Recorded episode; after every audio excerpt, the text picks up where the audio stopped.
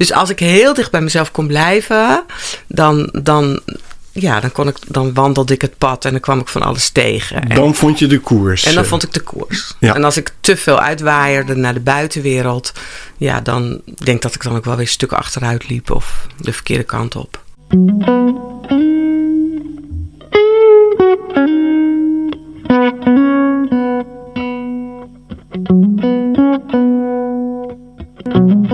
Ik ben eh Egbert de Lind, eh, predikant van de Oosterkerk. Die staat in Haarlem-Oost. En samen met eh, de wijk Schalkwijk en wijkcentrum vormt de Oosterkerk de PGH, de Protestantse gemeente Haarlem. En ehm, een podcast is nieuw voor mij. Maar ik vind het heel leuk om dit samen met jou te doen, Ineke Smit. Om samen met jou een gesprek te hebben. Je bent ongeveer 12,5 jaar geleden in de Oosterkerk eh, komen vragen of jij daar niet een eh, rouwkamer kon eh, huren. En eh, zo hebben we jou eh, daar leren kennen. Jij bent toen een eigen uitvaartonderneming gestart. Die is eh, heel succesvol geworden. Dat heeft eh, te maken met de manier waarop jij dat aanpakte, waarop je met mensen omgaat. En ehm, eh, ik vind het leuk om nou met jou te spreken over hoe je in de tijd dat bedrijf hebt opgezet. Inmiddels ben je ermee gestopt en heb je het overgedragen aan iemand anders. Maar ehm, ik ben nog eh, geïnteresseerd in wat jou ertoe gebracht heeft om het zo te beginnen. En eh, dat je ook straks vertelt waar je dan nu mee bezig bent. Ja, daar kan ik zeker wat over vertellen. Ik denk dat het een jaar of twintig geleden is dat ik via mijn praktijk rouwbegeleiding in eh, contact kwam met uitvaartverzorgsters. Dat was de, dus de nieuwe stroom, dat heet uitvaartvernieuwers. En daar voelde ik me wel bij thuis. Dat was eh, heel erg afgestemd op de keuzes van de mensen. En de hoeveelheid keuzes. Nee, je kon heel veel keuzes aanbieden. Ja. Mensen konden daar eh, heel bewust kiezen wat bij hun paste. Dus het werd veel meer de uitvaart van de mensen zelf. Dan in tegenstelling tot vroeger, toen Ja. het veel meer bepaald werd. Ehm, dus de, de extreme dingen die je allemaal kent en die je allemaal herkent, eh, waren toen bijzonder, zijn nu gewoon. Het is echt vernieuwend eh, wat er gebeurt. Alles wat was vernieuwend hè, in die tijd. Dus, dus de, de uitvaartvernieuwers hebben de paden gebaand voor de mensen die daarna kwamen. Zij hebben die paden gebaand. Het was ook niet zo simpel, want er was veel weerstand. Eh, op een goed moment eh, dacht ik van nou, misschien is het toch de bedoeling. Ik voelde het een beetje als de bedoeling dat ik het op mijn eigen naam ging doen.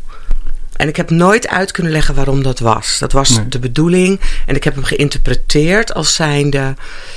eh, ik wil zorgen dat uitvaarten wat betaalbaarder worden. Ja. En ik denk Hm. dat dat niet de wezenlijke reden was... maar alsof ik een beetje geduwd werd die kant op. En zo ben ik voor mezelf begonnen. Dat was nog wel een hele stap, eh, neem ik aan. Ja, ja het ging eigenlijk ook wel weer soepel. Hm. Ja, het ging ook wel weer soepel. Want ik had heel veel vertrouwen. Ik dacht, En je had een ervaring opgebouwd. Ja, Ja. en, ik, en ik, ik was daarnaast eh, v- verpleegkundige en verpleegkundig leraar, dus ik kende ook heel veel mensen. En ehm, ja, ik had daar vertrouwen in, dus dat is twaalf en een half jaar geleden. En toen ben ik voor mezelf begonnen met het idee van, nou oké, laten we eens kijken of het voor iedereen haalbaar is, ondanks de portemonnee die mensen hebben. Of het voor iedereen haalbaar dat ze een bijzondere uitvaart kunnen krijgen, een afscheid wat passend is bij de, bij de familie en bij de overledenen. En daar had ik heel veel vertrouwen in. Ja, het is mooi eigenlijk dat eh, de ervaring die jij had eh, opgedaan, Ja, dat je die kon benutten voor een grotere groep mensen. Ja. Is dat een beetje wat je zegt ook? ja. Ja. Ja. en ik had in het begin heel erg het idee alsof ik de, de, wijkzuster, de wijkzuster in de, in de uitvaart was. Ehm, en dat heeft te maken met dat ik heel veel mensen ken. Maar uiteindelijk ontdekte ik natuurlijk ook wel dat het ook wel. Het, het, gaat natuurlijk, het, het kost ook gewoon geld. Dus je Ja. moet ook heldere, duidelijke afspraken maken. En het moet ook, moet ook kunnen. Hè? Wat, je, wat, wat de familie bedenkt, het moet ook, ook passen bij hun portemonnee. Dus dat was, dat was altijd wel een zoektocht. Maar ik draaide het wel altijd om. Ik zei van wat heeft u te besteden? En dan gaan we kijken wat we kunnen doen. Ja. En, en Ineke, heb je eh, nog wat aan je rouwbegeleidingspraktijk ja, heel gehad? Veel, heel Mhm. veel, heel veel. Dus ik kon heel goed eh, intunen op waar mensen zaten en wat er met Ja. ze gebeurde. Of dat mensen echt konden zeggen van, eh, ik wil vandaag helemaal niks met je bespreken. En dan zei ik, nou weet je, we kijken wel wanneer je het wel wil. Ja. En dat was soms een paar dagen later.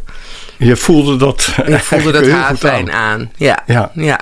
En jij had een eh, heel eh, open contact met mensen zoals ik je heb meegemaakt. eh, die uitvaarten Ja. die je dan in de Oosterkerk wel eens deed.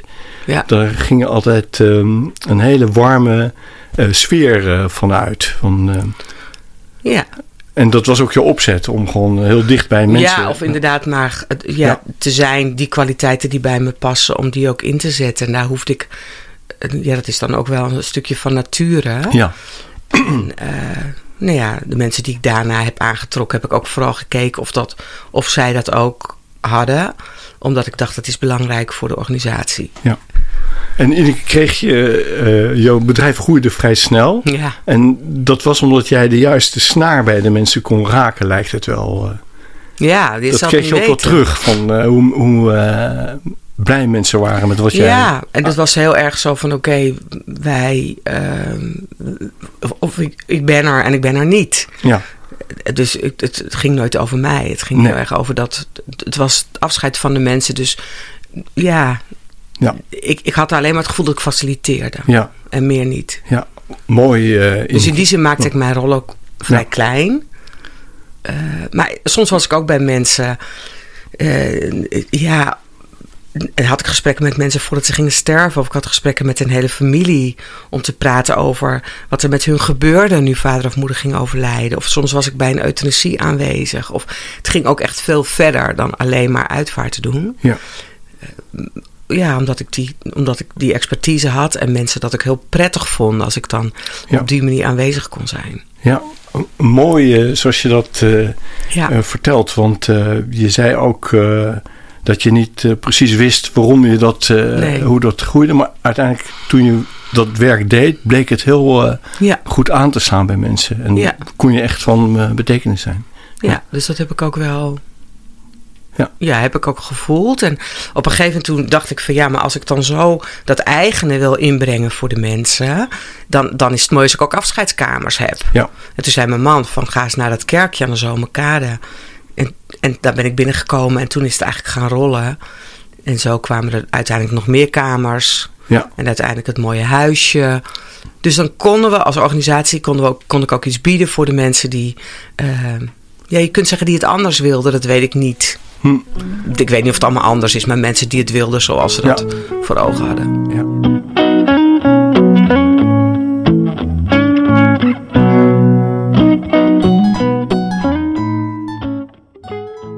Hey Ineke, en ehm, wij voeren dit gesprek eh, in de 40 dagen tijd. En eh, de 40 dagen tijd, dat komt natuurlijk uit de kerktraditie van, het grijpt terug op het verhaal van Pasen, de Mhm. Exodus uit Egypte, het bevrijdingsverhaal. En de tocht die het volk door de woestijn eh, ehm, eh, 40 jaar lang maakte om uiteindelijk in het beloofde land te komen. En in het verhaal in het Nieuw Testament over Jezus zie je dat Jezus eigenlijk teruggrijpt op eh, eh, al die gebeurtenissen. Maar zijn er, eh, je kent het eh, verhaal eh, uit de Bijbel waarschijnlijk wel. Mhm. Maar als je die thema's hoort, zoals bevrijding uit de situatie die, die- waarin je, je bent vastgelopen, en een woestijntocht, dat je zoekt naar, ehm, eh, naar zin of naar hoe je verder wil, en uiteindelijk ook dat je iets bereikt wat je gewild hebt. Kan je dat naast jouw eigen levenservaring leggen? Herken je die, die elementen of die. die ja, ik kom dan wel het dichtst bij, bij eh, vrijheid, bevrijding, je eigen pad lopen. En eh, ja, zo- zoals in, in de woorden van Ithaca in dat gedicht staat van nou, laat het pad zo lang mogelijk zijn. Hè? Het gaat niet om het doel, maar het gaat om Ja. de weg die je loopt. Eh, als je de tocht werkelijk wilt aanvaarden naar Ithaca. Dit gedicht is geschreven door de Griekse schrijver Cavavis. En ik, ik denk wel heel erg als je, als je, als je dat kunt doen, als je die, die mens kunt zijn zoals je werkelijk bedoeld bent vanuit de kern. Hm. En je kunt bevrijden van allerlei ballast wat om je heen hangt, of wat je met je meegenomen hebt, of in je gedachtenwereld. Als je daarvan zou kunnen bevrijden, dat je, ja, dat je wel je. Nou, dat het heel mooi zou kunnen zijn om je eigen pad naar de vrijheid te lopen. Ja. Eh, eh, Ineke, heb jij ehm, eh, in de loop van je leven eigenlijk, tenminste als ik daar zo Ja. even terugkom op wat jij gezegd hebt, steeds momenten gehad waarop jij een andere koers eh, wilde gaan varen? Of dat je dacht, nou, ik moet die richting uit, want daar kan ik meer eh, mezelf zijn, op, eh, om met jouw woorden even te spreken. Ja, ja, maar daar heb ik ook altijd wel ondersteuning bij gevraagd. Ik heb er altijd wel coachinggesprekken bij gevraagd om te kijken van, eh, doe ik nog, eh, doe Ja. ik nog wat ik werkelijk wil? Past dit nog of voel ik me min of meer gevangen in dat wat ik doe? En wat, wat kwam er dan in die coachingsgesprekken eh, aan het licht? Ja, die coachinggesprekken gingen heel erg over het gedachtegoed. Het gedachtegoed van Byron Katie. Hm. Dus als je bepaalde eh, dingen denkt, dat je echt kan zeggen: is dat waar wat je denkt? Hè? Ja. Kun je werkelijk weten of het waar is wat je zegt? Ja. En, en om, om, die, om die overtuigingen van jezelf te gaan onderzoeken, dan geeft dat vaak, gaf dat mij wel een bepaalde bevrijding. Ja. Hè? Om, ehm, om te mogen doen wat ik wilde doen. En dan, dan merkte je dat je eigenlijk een, een stap moest maken. En, Dat ik een stap moest maken. En soms was het een stap die ook wel een beetje eng was. Eh, en soms was het een stap ja, die mij ook niet in alle dank werd afgenomen natuurlijk. door je omgeving. Door mijn omgeving. Of door, ja. En toch voelde ik dan de drive. Ik heb dit te doen. Ik heb dit te doen. Op, op Ja. mijn pad heb ik te doen wat ik moet doen. Zoals het starten van mijn eigen bedrijf. Ja. Wat natuurlijk, Eigenlijk een beetje een stap in het onzekere. ja, Eh, Zou je eh, kunnen zeggen dat er dan eh, ook wel eens een periode eh, eh, volgde van eh, iets van een woestijnervaring? Van dat je niet zeker wist of je wel goed gedaan had, of dat je Ja. richting moest zoeken of zo. ja, precies. Ja, Kun je- dat ik me ook wel een beetje, nou ja, of een beetje alleen kon voelen zo. Ja. Zo in die woestijn. Een beetje zo roepende welke kant ga ik op. En toch voelde ik, toch werd ik ook, ook altijd wel geleid. Ik had wel het gevoel dat ik geleid werd naar de goede, de goede kant op. Ja. Ik vind het mooi dat je dat eh, nog een keer eh, zo eh, zegt. Ja, Dat aan de ene kant had je zelf een soort drang of overtuiging of verlangen. Daar gaf je gehoor aan. En dan viel dat samen met wat er op je pad kwam. Of Ja. zo is het zoiets Ja. geleid ja of, iets van heel diep van binnenuit. Wisten, Ja. Weten van dat dat, dat dat zo moest gaan. Of dat ik dat zo, dat ik dat zo moest doen. Of ja. En dat de omstandigheden zich dan eh, daarna vormde. daarna vormden. Ja, ja. Dat heb jij eh, wel zo ervaren. Ja, en soms dacht ik ook, dat doe ik heel erg met mijn hoofd. Hm. Dat loop ik heel erg te bedenken. En toch, en, en toch was er iets anders wat me, wat me daar bracht. Waardoor ik daar terecht kwam.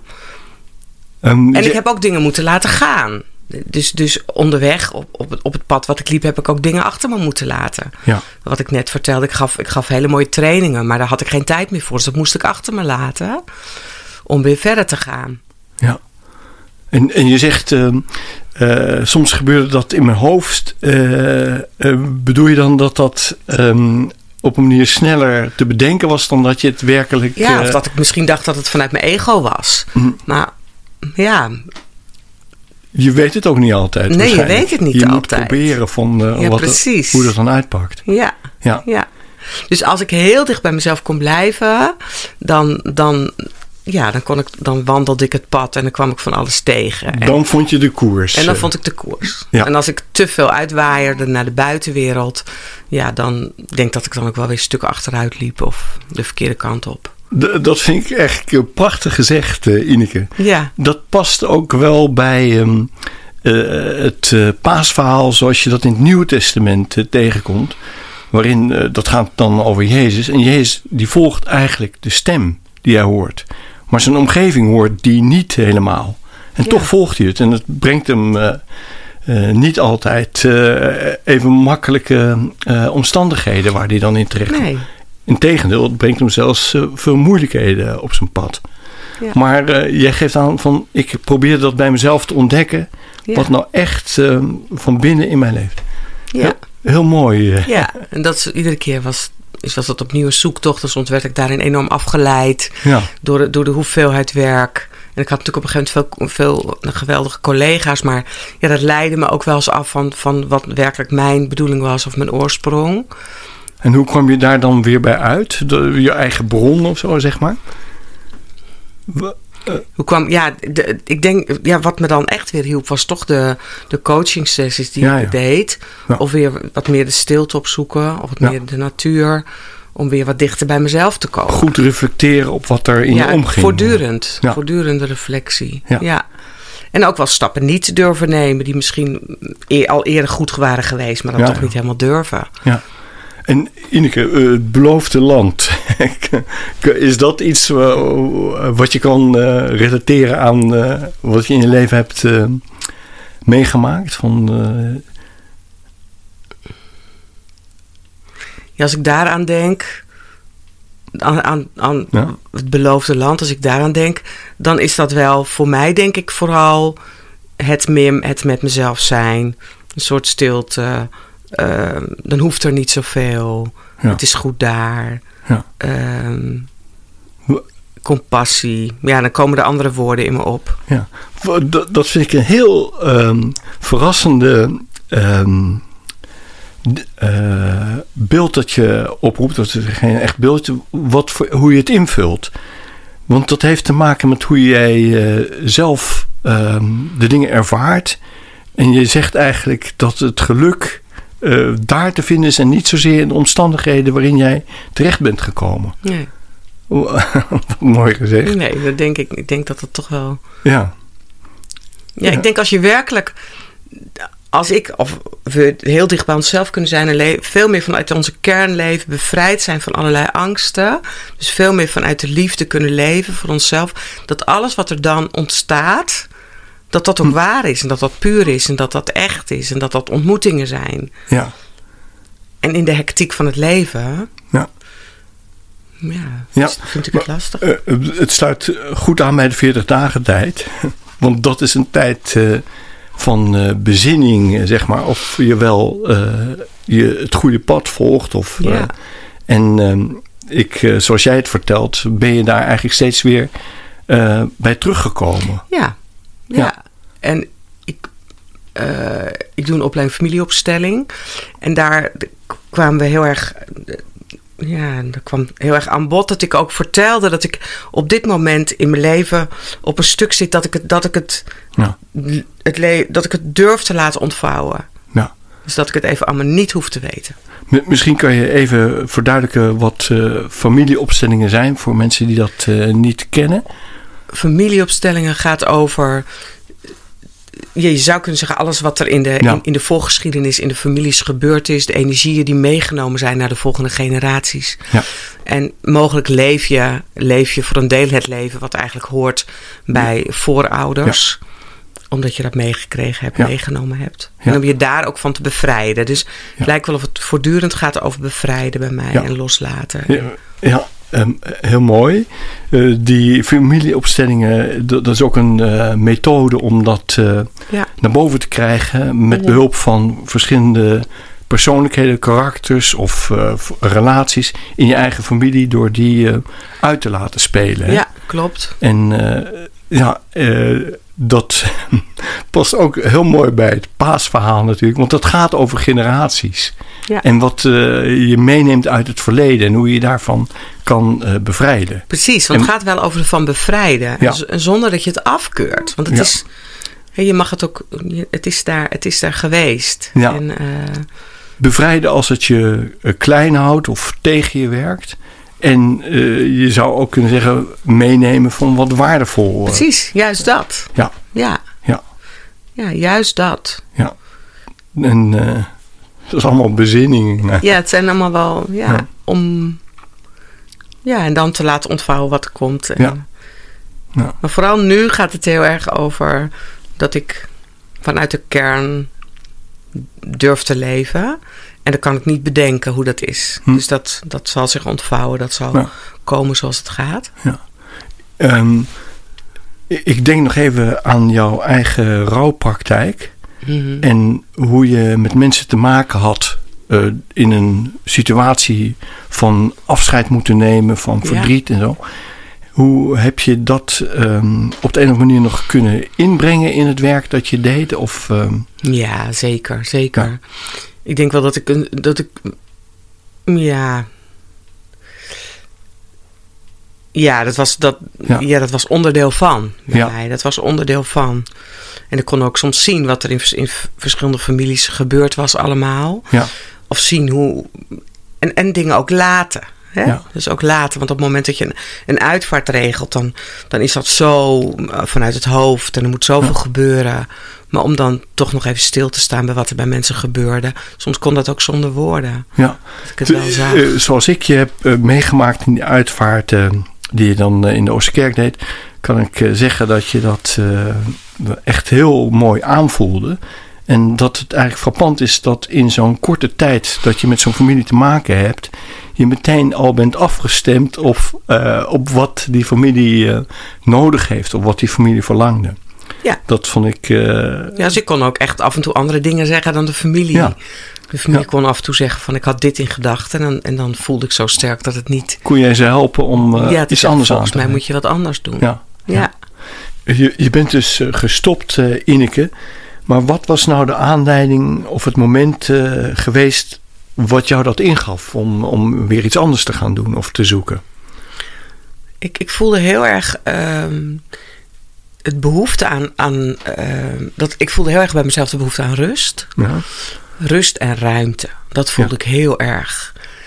En dat is heel, was heel, is heel moeilijk als je een uitvaartbedrijf runt. omdat je ook de verantwoordelijkheid hebt voor het Precies, zakelijk ik voelde me heel verantwoordelijk, maar ik voelde me ook heel verantwoordelijk voor het welzijn van iedereen. Hm.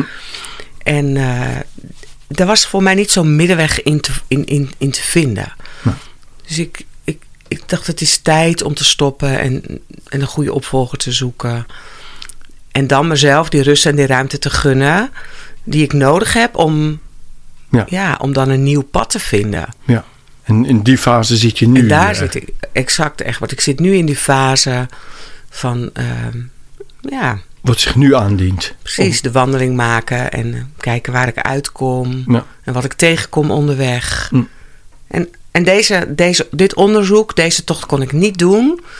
ehm, eh, tegelijkertijd met het runnen van een uitvaartbedrijf. Ja. Dat lukte me niet. Nee. Nee. Sluit wel heel mooi aan bij de 40 dagen tijd. Ja. Bezinning op eh, Ja. wat komen gaat. Ja, En wat achter je ligt. en wat achter me ligt. Ja. En wat ik ook met heel veel plezier gedaan heb. En wat het ook, ehm, waar ik ook met heel veel liefde en warmte aan terugdenk. Ja. En vervolgens loop ik door. Ja.